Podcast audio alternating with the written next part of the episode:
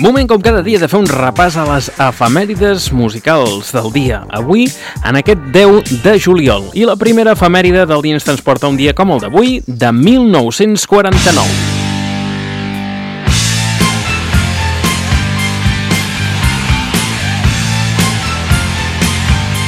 I és que era un dia com el d'avui quan naixia Ronald James Padabona, més conegut amb el nom artístic de Ronnie James Dio. Va néixer a New Hampshire, als Estats Units, cantant de Black Sabbath, Rainbow i de Dio. Va formar la seva primera banda Vegas Nikes a l'institut i després de successius noms, el 1967, el grup va passar a denominar-se Electric Elves. Un parell d'anys després es va escurçar a Elves i el 1970 es va convertir en Elf. Sota aquest nom, la banda va talonejar els Deep Purple en una gira. El guitarrista d'aquests, Richie Blackmore, va convidar a Dio a unir-se a la seva nova banda, el Rainbow, el 1975. Després d'abandonar Rainbow al 79, Ronnie James es va incorporar a Black Sabbath en substitució d'Ozzy Osbourne. El 1982 abandona Black Sabbath amb, el seu, amb els que va tornar perdó, breument al 1991. Posteriorment, el 93, forma la seva pròpia banda, Dio, amb la qual va arribar a publicar 10 àlbums. En els últims anys va participar en la reunió de Black Sabbath, encara que, per evitar-se problemes legals amb el nom, el nou grup es va anomenar Heaven and Hell. Ronnie James Dio va morir el 2010. També era un 10 de juliol de 1954 quan naixia Neil Tennant a Gosford, al Regne Unit, cantant del grup de dance pop Pet Shop Boys.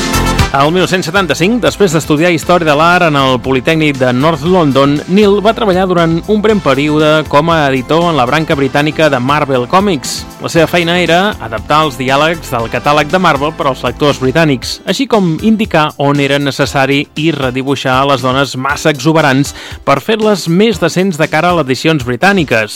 El 1977 va deixar aquesta feina per una altra, a McDonald Educational Publishing, que després passaria a ITV Books. El 1982 es va unir a la revista de pop juvenil Smash Hits, on va aconseguir el lloc d'editor assistent. D'aquesta manera, va treballar un total de 10 anys en el món editorial.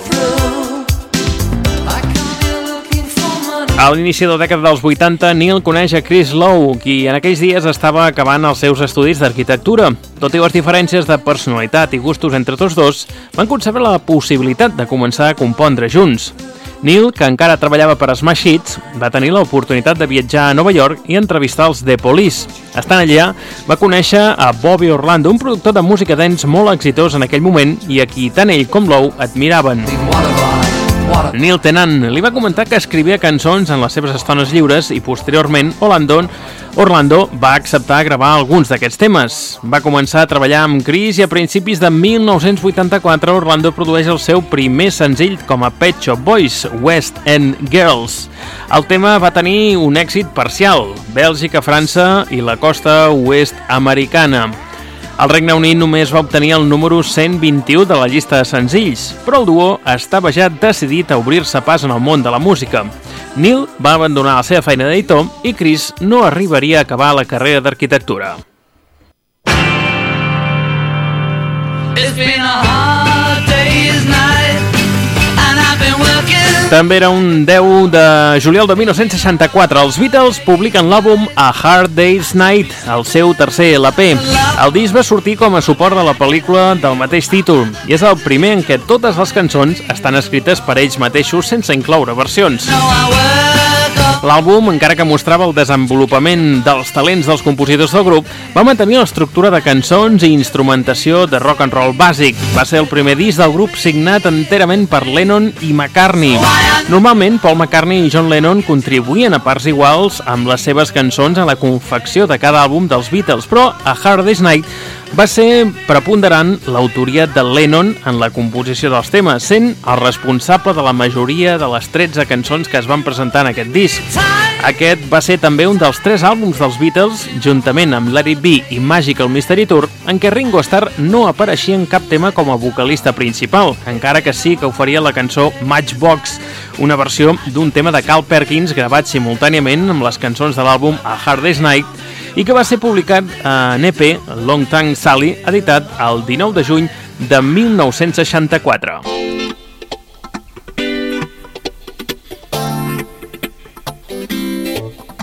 Ens situem ara un 10 de juliol de 1979. El grup madrileny Tequila entra als estudis Torres Sonido per gravar el seu segon LP Rock and Roll, que produït per ells mateixos serà un dels discos bàsics del rock espanyol per la col·lecció de cançons que conté i pel seu so. Com ja havia passat en aquell primer matrícula d'honor, la pràctica totalitat dels temes són compostos pels propis integrants del projecte. Segueixen jugant un paper fonamental tant estil com Rot, que signen gairebé totes les peces i comparteixen autoria a I yo que sé, i Me vuelvo loco, Julián Infante, o Quiero besarte, que vam compondre tot el combo. A més a més, la connexió argentina seguia completament vigent, ja que Sergio Makarov com ja havia fet en aquell primer disc, segueix brindant la seva tremenda brillantor creativa a partir del rock de l'ascensor. També era un 10 de juliol, en aquest cas de 1987, quan mor John Hammond, a Nova York, productor i descobridor de Billie Holiday, Aretha Franklin, Bob Dylan i Bruce Springsteen, entre d'altres.